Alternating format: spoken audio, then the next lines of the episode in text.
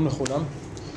אה, אנחנו היום משלימים את העיון בשיעור שעבר בחזון המקדש העתידי של יחזקאל.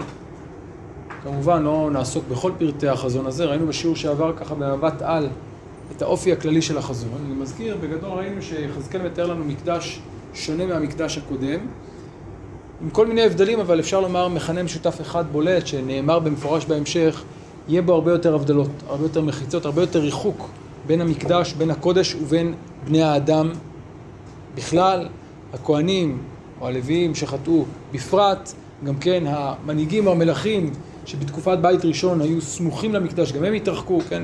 סיפם אצל סיפים, מזוזתם אצל מזוזתי, והכיר ביני וביניהם, זה לא יהיה לעתיד לבוא, הדבר הזה ישתנה.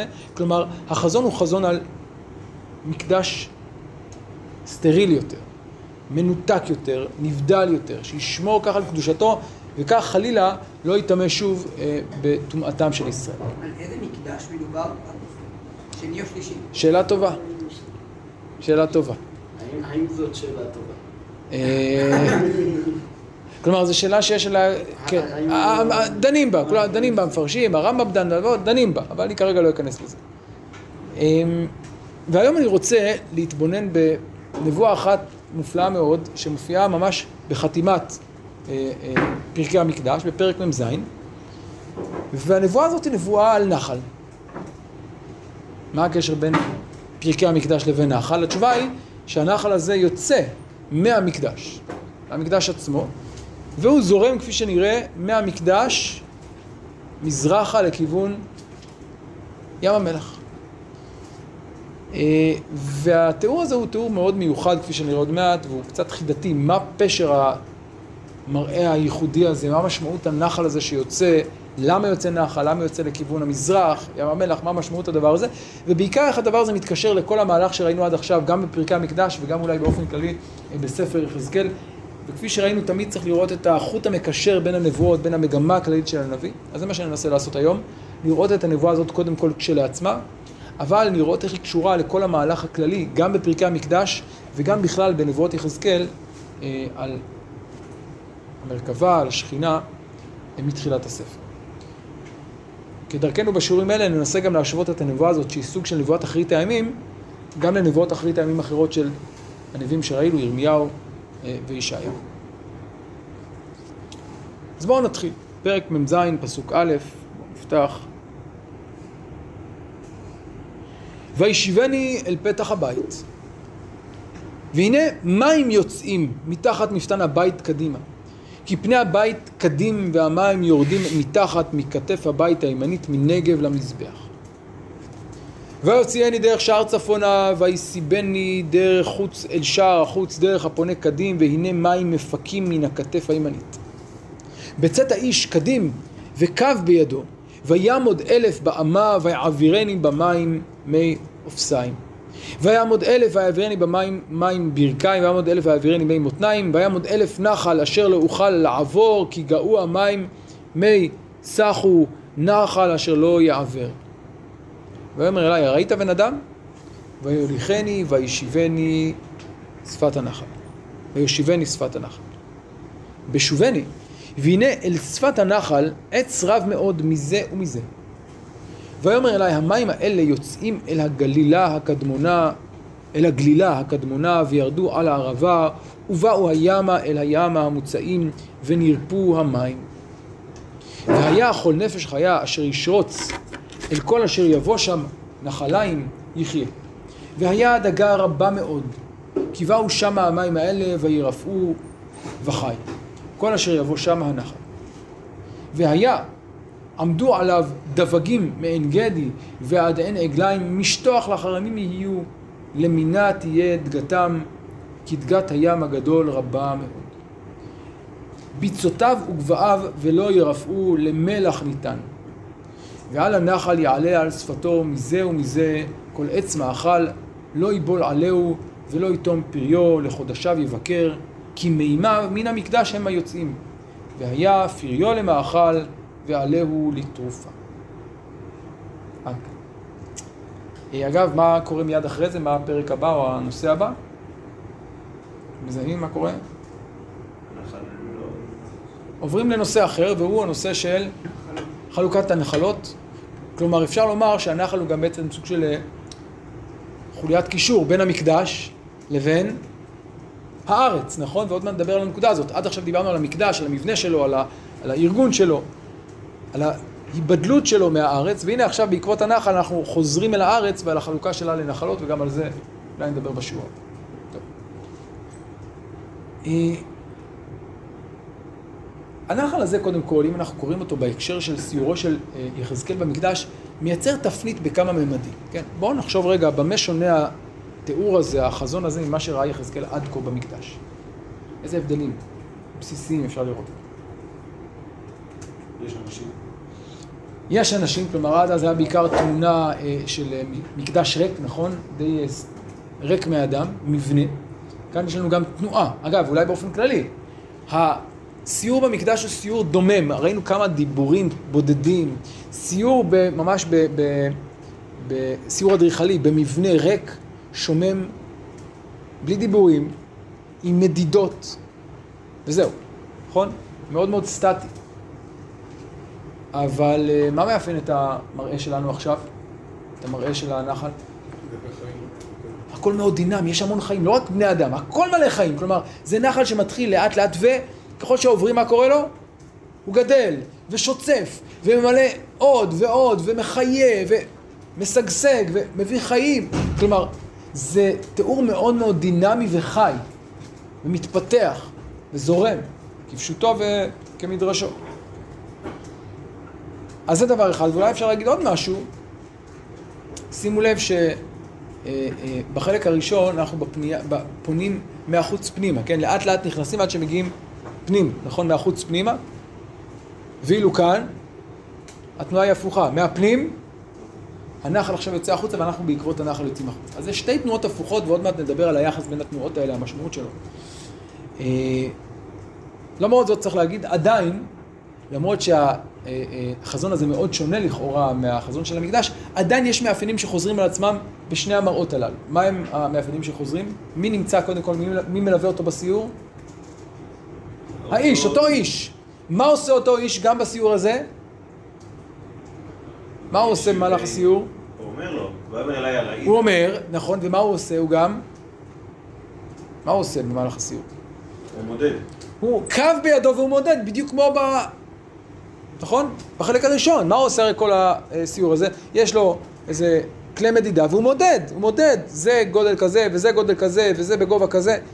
אותו דבר כאן, אבל הפעם הוא לא מודד את המקדש ואת החצר ואת הכתלים. את מה הוא מודד? את המים, את הנחל שהולך ושוצף, הולך וגדל.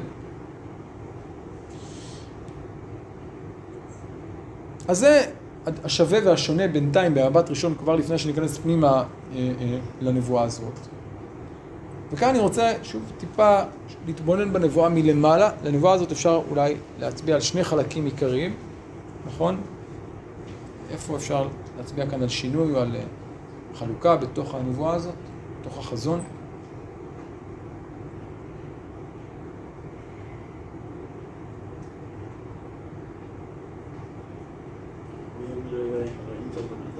פסוק ו', כן, יפה. למה? מה קורה בפסוק ו'? מה משתנה? מה קורה עד פסוק ו' ומה קורה מפסוק ו'? עד פסוק ו', אף על פי שזה נחל, שזה לא חלק שהוא מבניין המקדש, אבל זה עדיין, זה עדיין חלק מהסיור השקט הזה. או, איך אתה רואה שזה חלק מהסיור? כאן אה, דיבורים. יש דיבורים. מה עוד יש? קודם כל יש דיבורים, נכון? הוא מודד. ובהמשך אין דיבורים. ויעמוד, זה ממש אותה כמו נכון, אז זה, ממש המשך של הסיור, אלא הוא פונה החוצה, נכון? יש לנו את האיש, יש לנו מדידה, יש לנו דיבורים והסברים, יש לנו מידות, נכון, אלף. אה, ובאמת אה, יחזקאל הולך, נכון? ומתקדם בסיור. מה קורה מפסוק ו' ואילך, מפסוק ז'? יחזקאל הופך להיות חלק מהנבואה. מושיבים אותו על שפת מושיבים אותו על הנחל. שפת הנחל, עכשיו הוא כבר לא הולך בתוך הנחל, אגב, למה הוא הולך בתוך הנחל? לא. כבר לא יעבר, נכון? לא יעבר, ולכן מה הוא עושה? יושב בצד ומתבונן מבחוץ. אני חושב שגם זה שהוא לא יכול לעבור, זה גם אה, משהו שמראה קצת יותר פיזי, קצת יותר כאילו אה, קיים. לא הבנתי. קודם כל הדיבור הוא מאוד לא... מופשט כזה. הוא מופשט, כאילו, כאילו, הוא רוח רפאי כן. שמרחפת ורואה את הכל. כאן אתה אומר, הוא כבר- ממש-. הוא- כן, הוא לא יכול לעבור, כאילו זה מאוד ממשי, זה הרי יפה, כלומר זה כבר, זה נחל ממשי, זה לא איזה נחל חזוני כזה שהוא הוא פשוט לא יכול לעבור, אז הוא צריך לשבת בצד. ומעכשיו הוא, אה, אה, הוא מתבונן, נכון? מה הוא עושה עכשיו? הוא מתבונן, והוא מסביר לו מה קורה, כלומר הוא ממשיך אה, בהסבר. אה, נכון, אז זה החלק הראשון. ו... וזה החלק השני, וכאן אני רוצה רגע באמת להתבונן, קודם כל בחלק הראשון, לאחר מכן לראות מה משתנה בחלק השני. אז בואו נתחיל בחלק הראשון. וישיבני אל פתח הבית, והנה, הפתעה. מה ההפתעה? מים. זה מאוד מוזר, נכון? מאיפה מגיעים מים למקדש? לא רק מים, הם יוצאים מתחת, אפשר לראות אותם לאט לאט זורמים, וזרם דקיק, נכון? מתחת למפתן, כמה כמה מים יוצאים. וכאן קורה דבר מאוד מפתיע, מהזרם הדקיק הזה, כן, אם בדרך כלל אנחנו מדמיינים שיש לנו נחל, בדרך כלל נביאה היא המקור החזק, נכון, השוטף. כאן נביאה מתחילה מאוד מאוד עדין, וככל שמתקדמים, מה קורה לה? זה, זה, בניגוד לדרך הטבע, כן, זה לא נביאה רגילה. זה נביאה שמתחילה, כן, הוא לא רואה אפילו איפה היא מתחילה, הוא רואה, שהיא יוצאת מתחת לפתח של הבית, כנראה מתוך תוככי המקדש במקום הקדוש ביותר, והמים יורדים, כן, קדים, מזרחה, מתחת, ובעקבות המים הוא עכשיו הולך, הוא יוצא. הם יוצאים וגם הוא יוצא דרך שער צפונה. ויסיבני אל שער החוץ דרך הפונה קדים שוב למזרח. שימו לב, הנקודה הזאת של לפנות מזרח, עוד נחזור אליה. והנה מים מפקים מן הכתף הימנית. שימו לב, בהתחלה המים יוצאים. מה קורה להם עכשיו? הם מפקים, הם כבר, יש יותר, לא רק יוצאים, אלא מפקים, זה כנראה, לא בטוח, אבל אולי משהו קצת יותר אה, אה, חזק. ועכשיו גם האיש יוצא, בצאת האיש קדים וקו בידו, ויעמוד, שלב ראשון, אלף באמה. ויעבירני במים. מאופסיים, מה זה מאופסיים? נכון, אבל לאור ההמשך אפשר להגיד שעל מה זה מדבר, כלומר לפי מה מודדים? מה?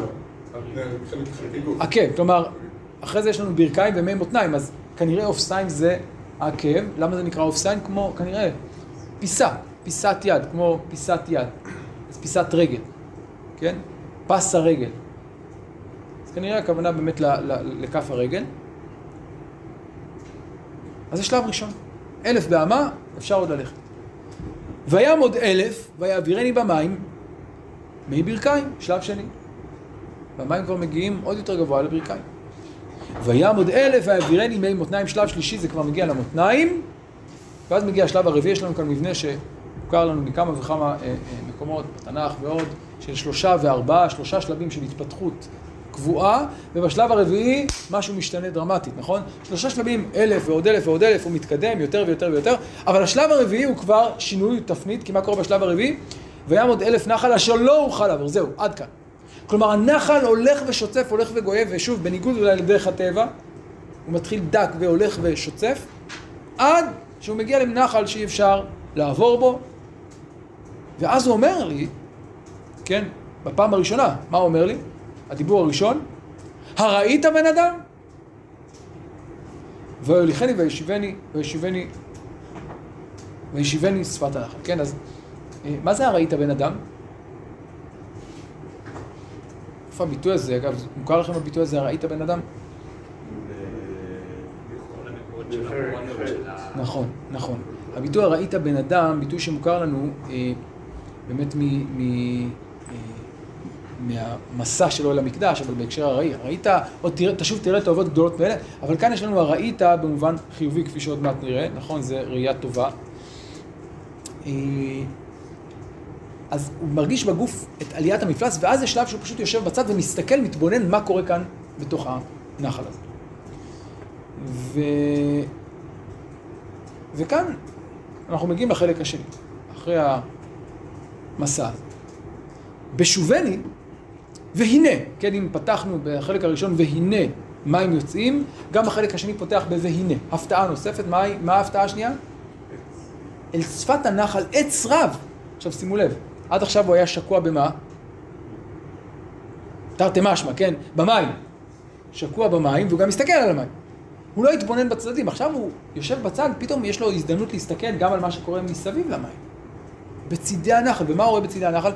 הנה שפת הנחל עץ רב מאוד מזה ומזה. כלומר, זה לא רק נחל שזורם, זה נחל שמצמיח בכל סביבותיו עצים. עכשיו תזכרו, זה מפתיע, למה זה מפתיע? קודם כל זה שיש נחל זה מפתיע כמובן, אבל יש כאן עוד הפתעה.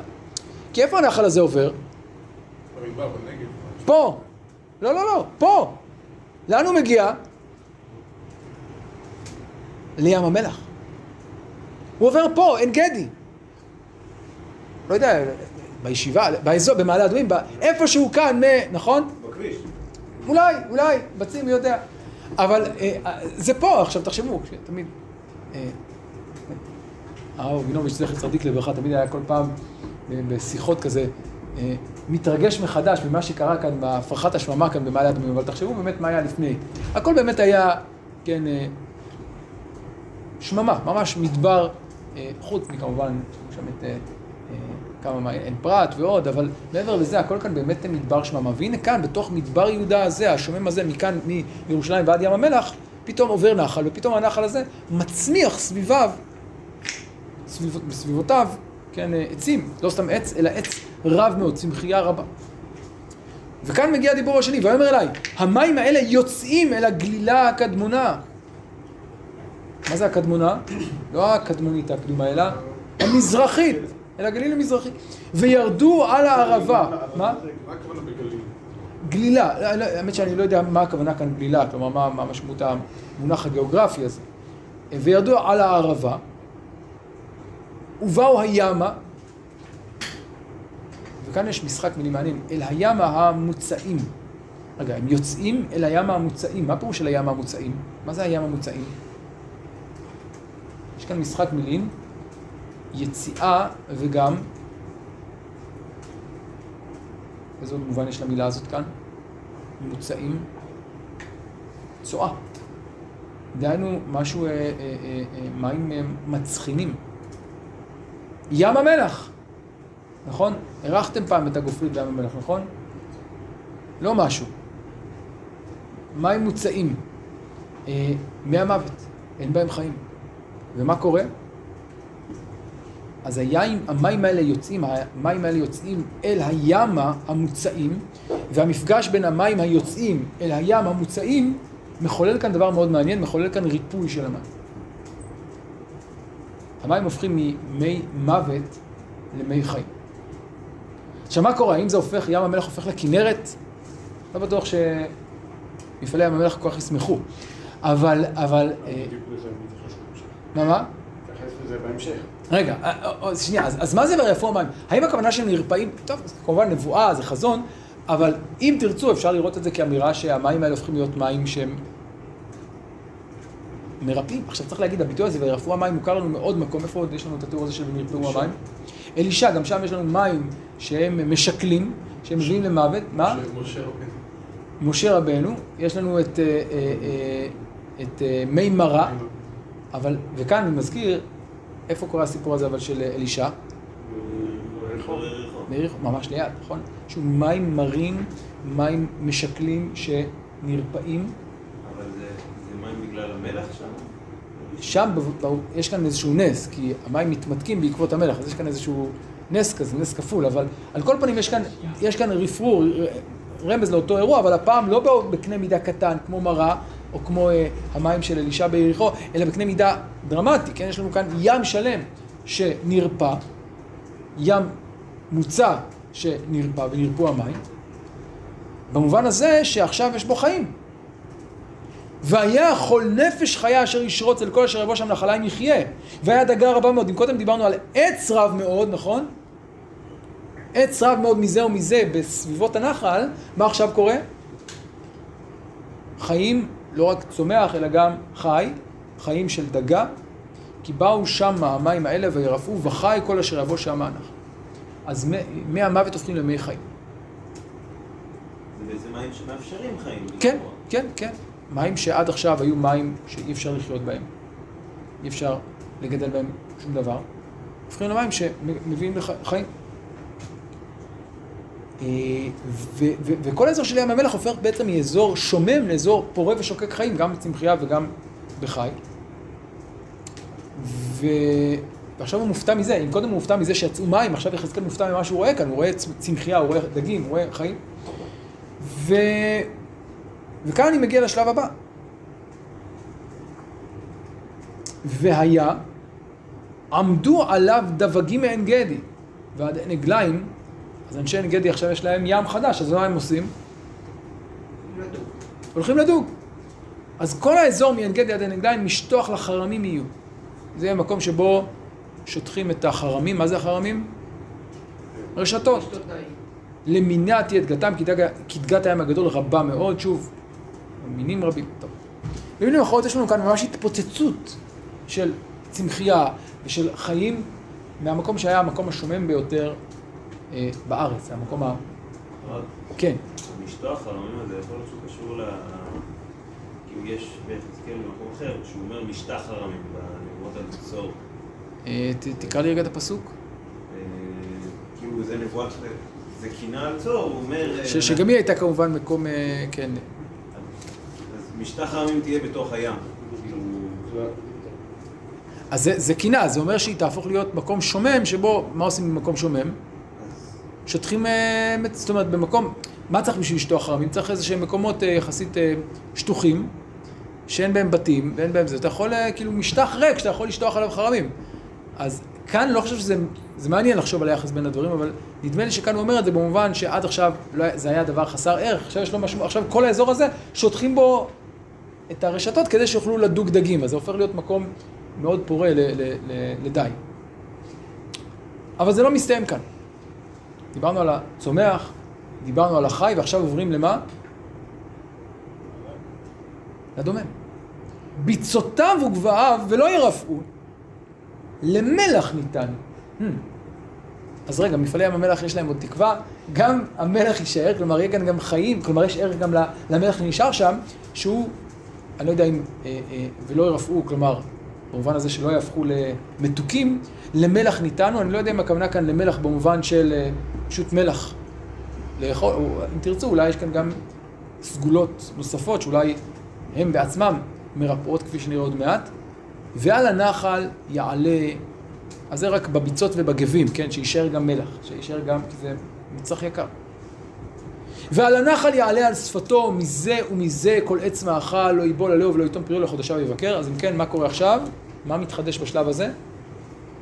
עד כאן דיברנו על עצים, דיברנו על דגים, עכשיו מה קורה? פירות. ולא סתם פירות, לא ייבול עליהו ולא יתום פריו. כלומר, פירות שהם פוריים כל הזמן. עלים והפירות, כל חודש, לא יהיה... לא, לא מעגל שנתי, חד שנתי, אלא חודשי, כל חודש יוציאו מחדש פירות. למה? כי יש להם איזה... מה? חממות. חממות, כן. כי יש להם איזה, אה, אה, איזה דשן סודי כזה, כן? מימה מן המקדש הם יוצאים, משהו שהוא איזה אה, פריון לא טבעי שהוא קשור למים שיוצאים מן המקדש, שהם מים חיים במובן העמוק, כן? והוא מסכם ואומר, והיה פריו למאכל ועלהו לטרופה. זה מעניין. אז, אז לא רק שהם נרפאים, יש להם גם תפקיד שהוא בגלל שזה מים חיים כל כך, עם עוצמה חיונית כל כך גדולה, וזה מה שמאפיין את המים כאן באופן כללי, זה מים שהם מים עם עוצמת חיוניות, גם הם עצמם הולכים ומתרבים, גם הם מפרים את כל מה שסביבם, וגם אם נוצר, נותר משהו בעלים, גם בהם יש איזושהי אה, עוצמה של, של ריפוי, של חיוניות, ועלהו לטרופה. טוב, אז עד כאן התמונה הבאמת מופלאה של החזון הזה.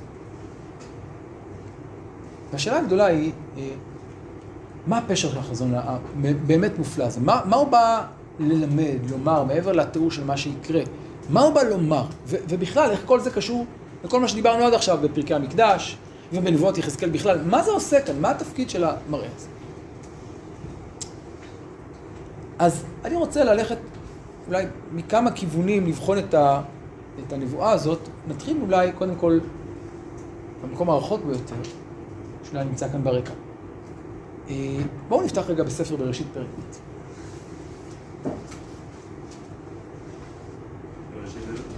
ב'. מה מזכיר לנו יותר מכל באמת התיאור הזה של נחל שיוצא ממקום מסוים ויש בו איזו עוצמת חיוניות כזאת גדולה?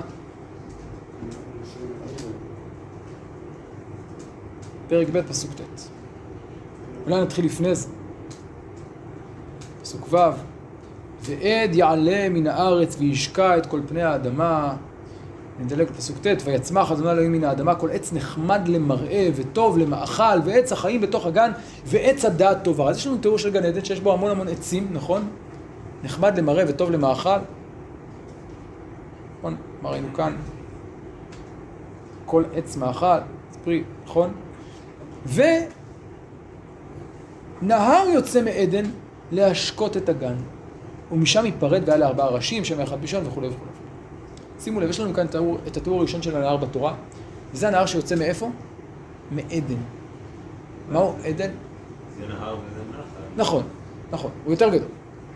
בכל זאת, אנחנו בארץ ישראל, לא במסופוטמיה, נכון? שם זה יוצאים מהנהר הזה יוצאים החידקל והפרת, כלומר זה נהר מסיבי. כאן אנחנו מדברים על משהו יותר קטן, אבל עדיין, שימו לב, יש דמיון מאוד מעניין בין שני אה, הנחל והנהר הזה. מה משותף לשניהם?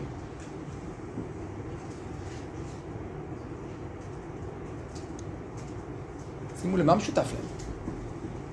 מאיפה הם יוצאים? מאיפה יוצא הנחל שם בסיפור גן עדן? מעדן. מי נמצא בעדן? מה, מה יש בעדן בסיפור... אה, אה, אלוקים. מה? עדן גן אלוהים. גן אלוהים. עדן הוא מקום השכינה ב- ב- ב- בזמן הקדום. ממנו יוצא בעצם הנחל הזה שהוא מקור החיים לעולם כולו, כך בגן עדן. אז אם כן לאור זה אפשר לומר שיחזקאל אומר לנו איפה נמצא גן עדן היום, כמו שאגב אפשר לראות בהרבה מקומות בתורה, שהמקדש הוא מעין, מעין גן עדן. יש הרבה הקבלות בין המקדש לבין גן עדן. גם כאן אומר יחזקאל, המקדש הוא הוא גן עדן. כמו שבעדן מקדם יצא נחל והשקע את כל פני האדמה, כך גם פה יצא לעתיד לבוא. כשיחזור, וכאן אני מחזיר אותנו לפרקי המקדש, כאשר תחזור השכינה למקדש, מה יקרה למקדש? הוא יהפוך להיות מקור חיים. מה המשמעות המ- הציורית של זה, הממשית של זה? יציאת הנחל. מקור החיים. לא רק נחל במובן של מקור מים, כפי שראינו זה נחל שיש לו איכויות בלתי רגילות, זה נחל שהוא מקור חיים במובן העמוק, הוא מחיה את כל מה שסביבו, הוא מחיה את המדבר, נכון. ו... ובעצם אפשר לומר, נרחיב קצת את הדברים, כאשר השכינה תחזור למקדש, כאשר כבוד השם יחזור למקדש, המקדש יהפוך להיות מקור חיים לסביבה. ובאמת, אם נחזור רגע שוב לעוד נבואת אה, הקדשה, נבואת אה, אה, גאולה, סליחה, של יחזקאל בפרק ל"ו, נראה תיאור מאוד מעניין, שאולי מאיר את הנבואה שלנו, פרק ל"ו, פסוק ל"ג. כה אמר אדוני אלוהים, ביום טהרי אתכם מכל עוונותיכם, והושבתי את הערים ונבנו החורבות, והארץ הנשמה תעבד תחת אשר הייתה שממה לעיני כל עובר. שוב, ארץ נשמה, כלומר שוממה, מה יקרה לה? היא תעבד. ואמרו, מי אמרו? מי שיסתכל, מי שיגיע, יבקר. הארץ הלזו, הלזו, הנשמה הייתה כגן העדן. והערים, החורבות, והנשמות והנהרסות, בצורות ישבו, תראו איזה היפוך. וידעו הגויים, אשר יישארו סביבותיכם, כי אני, אדוני, בניתי הנהרסות, נתתי הנשמה, אני אדוני דיברתי ועשיתי. אז מה קורה כאן? שימו לב, הארץ הנשמה תהיה כמו מה? כגן עדן. יש כאן היפוך של שממה לגן עדן, ואם אני חוזר לנבואה שלנו, אז באמת, האזור השומם ביותר, מדבר יהודה, ים המלח, יהפוך להיות ממש גן עדן. כי מימיו מן המקדש הם יוצאים. אז כאילו גן עדן מתגשם באיזשהו מובן בתיאור הגאולה העתידי של יחזקאל, ביחס שבין המקדש, בין בית השם, בין כבוד השם שחוזר לבין הסביבה שלו. אבל אני רוצה ללכת עוד צעד אחד קדימה. נחזור, או אולי אחורה. נחזור רגע ל... אה, לפרק א', בספר בראשית. כן? גם בפרק א', יש לנו תיאור של, נכון, אה, מים, רוח אלוהים מרחפת על- מעל פני המים. ומה עושה הקדוש ברוך הוא בתיאור הבריאה בספר בראשית בפרק א'? מבדיל. מבדיל בין מים למים, בין הים לבין היבשה, ובעצם מאפשר למים להיות מים חיים, נכון? מאפשר למים מגורם שהוא גורם כאוטי, מסוכן, שמכסה את פני תהום, כן, בחושך על פני תהום שמכסה, התהום מכסה את הארץ, לא מאפשר לשום דבר לצמוח, הוא הופך את המים לגורם מחיה, שהוא מאפשר את החיים בעולם. זה מה שקורה בפרק א'. כן. אז המים יש בהם יסוד שהוא מסוכן מצד אחד, יסוד כאוטי, ועכשיו כמובן מדברים על המבול, המבול בעצם חזרה לאותה נקודת מוצא, נכון? הנה כאן יש לנו תיאור של מים שחוזרים ומחיים את האדמה, מחיים את השממה, בריאה חדשה. שוב, כמו שראינו קודם, בריאה חדשה, השיבה לגן עדן, אבל הפעם לא בקנה מידה עולמי, אלא בקנה מידה לאומי, גאולה, שיבה ותיקון באמצעות המים.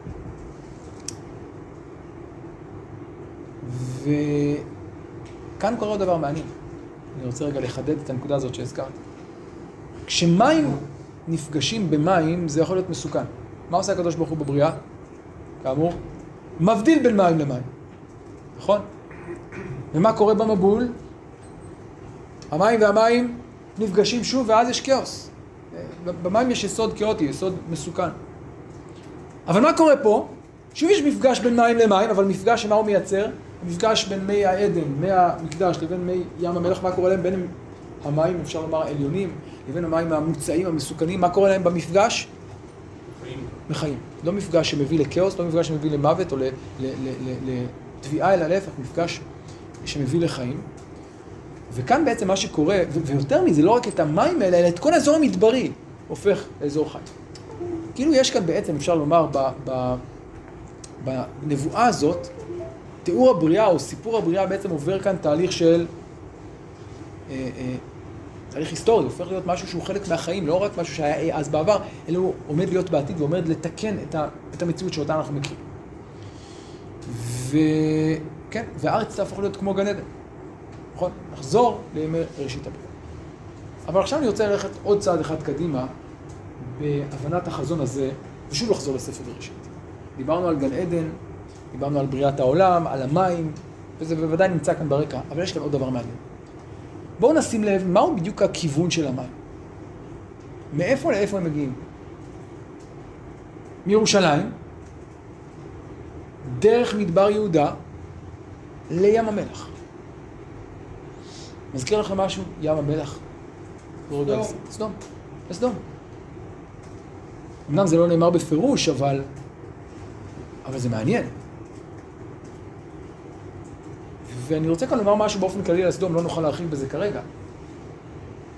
סדום היא בספר בראשית, ולא רק בספר בראשית, לאחר מכן אצל הנביאים כולם, היא הסמל למקום המושחת ביותר, נכון? מקום הרוע, הרשע. אבל היא עוד דבר. מה עוד מאפיין את סדום בספר בראשית, אתם זוכרים? מה הדבר הראשון שאנחנו יודעים על סדום? בואו נחזור רגע לספר בראשית, פרק י"ג.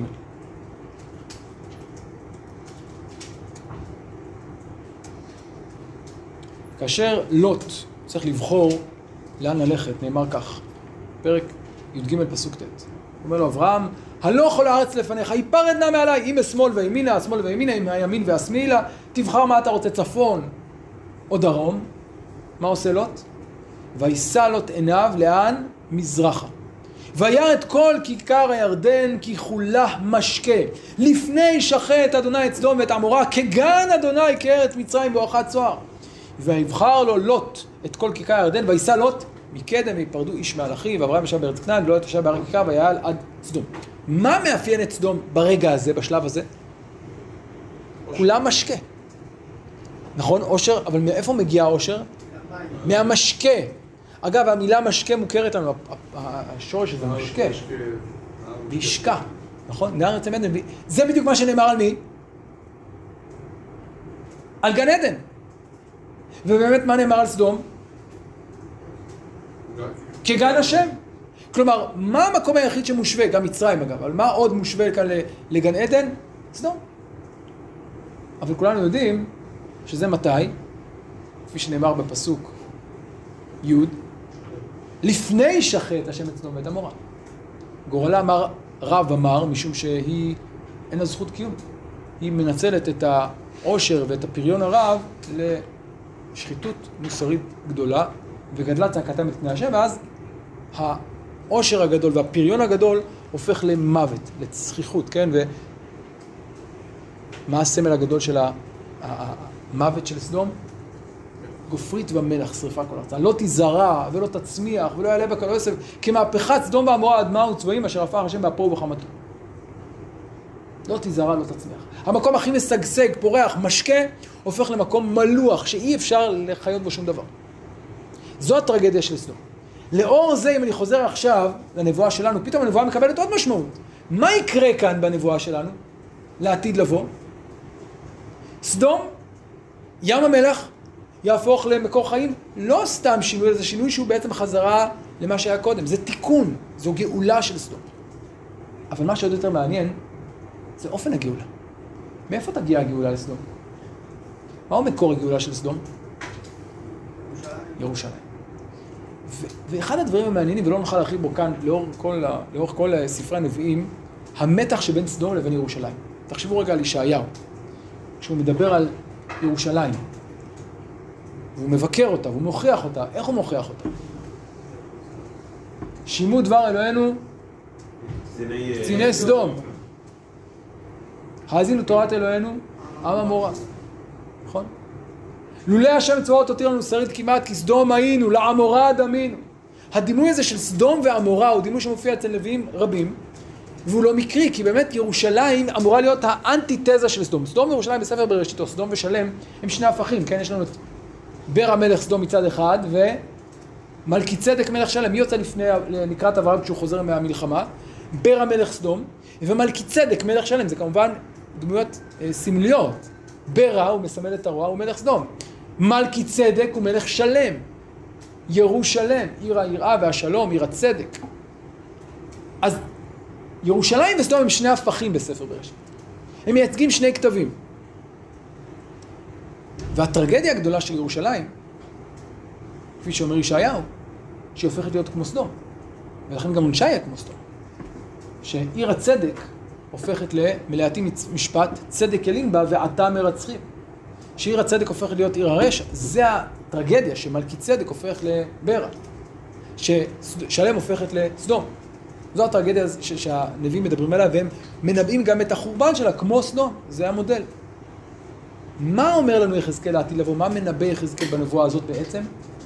על מפגש מחודש בין סדום לבין ירושלים, אבל הפעם בכיוון הפוך. לא שסדום תשפיע על ירושלים וירושלים תהפוך להיות כסדום, אלא שכוח החיוניות של ירושלים ישפיע ויחלחל ויזרום וירפא את סדום, וישיב אותה אה, אל החיים. אז במובן הזה אפשר לומר שיש לנו כאן היפוך של, הד- של התנועה שהייתה לנו, אפשר לומר, מימי אה, אברהם, מספר בראשית אה, ועד עכשיו. הרב, כן, גם אה, בפרק ט"ז, אז יחזקאל מקבל נבואת פורענות. על סדום. והוא מזכיר את, את סדום בתוך הנבואה הזאת, סדום נכון. ושומרון, והוא אומר שהוא ישיב את שבות סדום. רגע, רגע, אז יפה. תקרא לנו רגע את הפסוקים אה, איזה? שאמרת עכשיו. של השבות? כן, אה, אולי לפני זה. אה, רגע,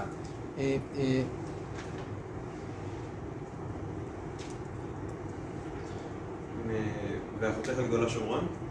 רגע, אז קודם כל, בואו נקרא כמה פסוקים בפרק ט"ז, כי זה פרק מאוד מעניין לענייננו. זה מתחיל בבן אדם הודה את ירושלים את תועבותיה, נכון? פרק חריף מאוד. אה, עד כדי כך שלא מפטירים בו, כן? כי זה פרק מאוד מאוד קשה. אה, אין מפטירים בהודעת ירושלים. כן, אז אני מדלג רגע.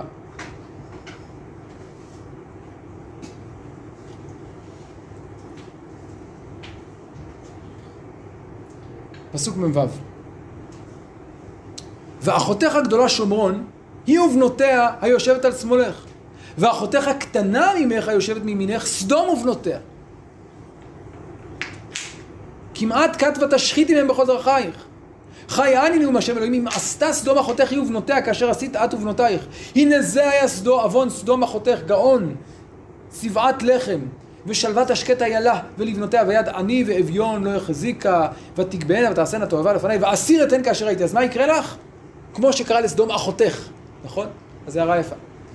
אז מה יקרה בעתיד?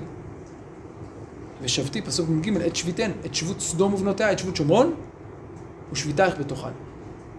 ואחותייך סדום ובנותיהן, תשוב, לא ניכנס כרגע לכל הפרטים, אבל יש לנו כאן באמת השוואה מאוד מעניינת בין סדום, אחותך, לבין ירושלים, והחטא של סדום, והעונש של סדום, וההשוואה לירושלים, ואז לאור זה באמת, למרות שהוא לא מזכיר את סדום בפירוש אצלנו, נכון? אבל די ברור שסדום נמצאת כאן ברקע, כי מי נמצא בים המלח? מה קורה בים המלח? מה מסמל ים המלח? את זה. ולאור זה באמת יש לנו כאן תיקון מעניין של אה, אה, מצד אחד החטאים של ירושלים שהפכה להיות כמו סדום, אבל העתיד לבוא כאשר ירושלים תטוהר, כבוד השם יחזור, אז יהיה תיקון, יהיה מהלך הפוך. ירושלים היא זו שתשפיע על סדום אה, ולא להפך.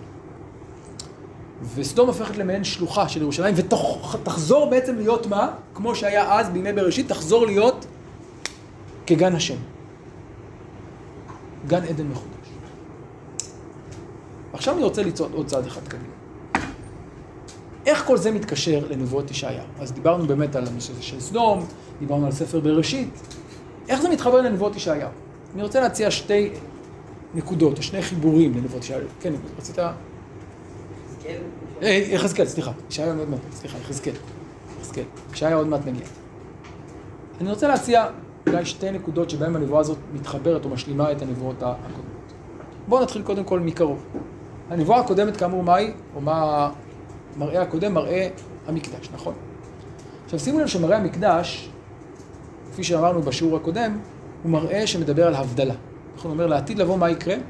המקדש יהיה גבוה יותר, נבדל יותר מרוחק, כדי שלא יטמעו בתועבותיהם כפי שהיה בבית ראשון.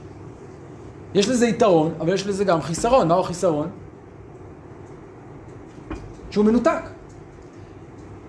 אז יש את כבוד השם שם במקדש למעלה, אבל, אבל איפה הוא? כן. והנה בא החזון הזה ובעצם משלים את התמונה. נכון שהמקדש יהיה מנותק, או מרוחק, סליחה, או נבדל, אבל נבדל אין פירושו ניתוק. הוא יהיה נבדל, הוא יהיה גבוה, אבל לא יהיה מנותק. כי מה יקרה? מה יקרה מהמקדש כשכבוד השם יחזור אליו? יצא מהם נחל. כלומר, וזה, וזה התנועה ההפוכה שהזכרנו קודם. התנועה קודם הייתה כניסה פנימה והתנתקות והיבדלות מכל ה, כן, האנשים שלא ייכנסו פנימה.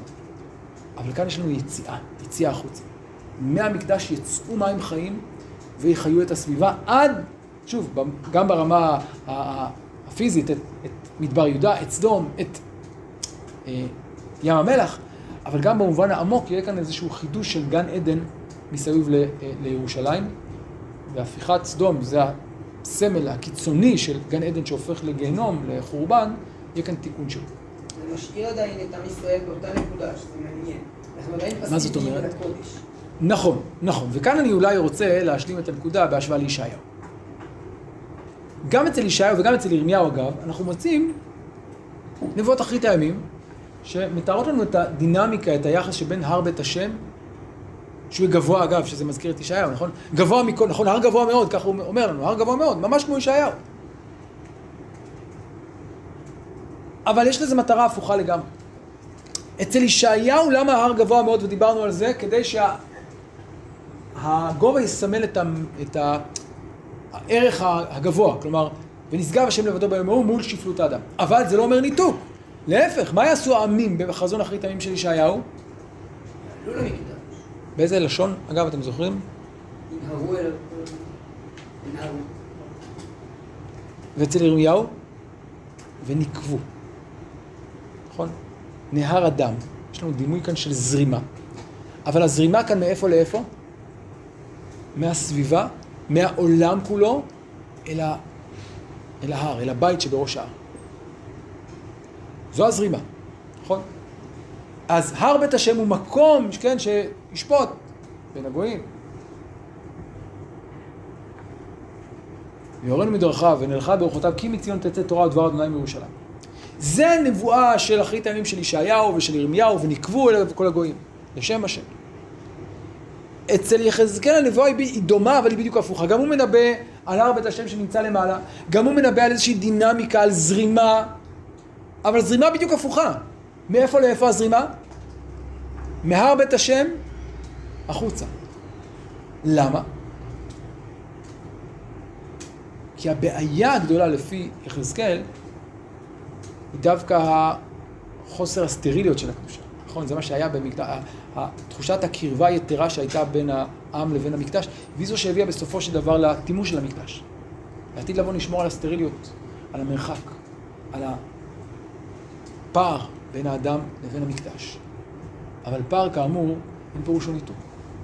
והפעם המים שיצאו מהמקדש, דרכם אולי אה, נספוג קצת מקדושת המקום, כן? המים שיוצאים מן המקדש זה המקום שבו אנחנו נטעם קצת מהחיות העמוקה וה, וה, והעשירה שיש שם בתוך המקדש. לא נוכל להגיע פנימה, לא נוכל להיכנס, לא נוכל לעבור את החומות הגבוהות, את, ה, את המחיצות הגדולות, אבל מה שנוכל כן, זה לטעום מהמים.